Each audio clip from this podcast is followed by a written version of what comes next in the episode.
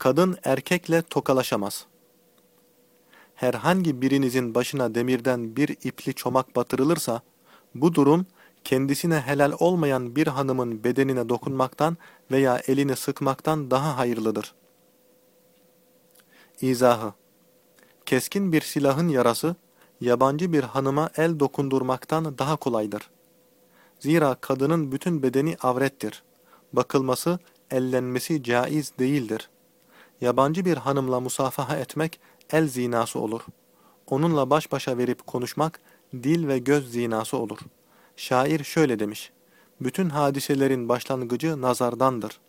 Ateşin gür olanı küçük kıvılcımlardandır. Yani helal olmayana bakmak göz zinasıdır. Kadınlarla baş başa kalmaktan şiddetle sakınınız. Nefsimi yedi kudretinde tutan Allah Azze ve Celle'ye yemin ederim, bir erkek herhangi bir kadınla baş başa kalırsa muhakkak aralarına şeytan girer.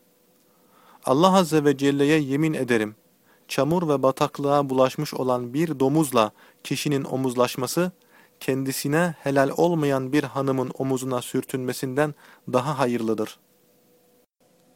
İzahı Demek oluyor ki, çamura batırılmış domuzla yan yana gelmek ve onun maddi olan necasetine bulaşmak, mahrem olmayan, yani bir arada oturulması helal olmayan kadınla erkeğin yan yana oturmasından doğan manevi necasetten daha hayırlıdır. İşte helak buradadır. Nitekim nazar hakkında pek çok hadisler vardır.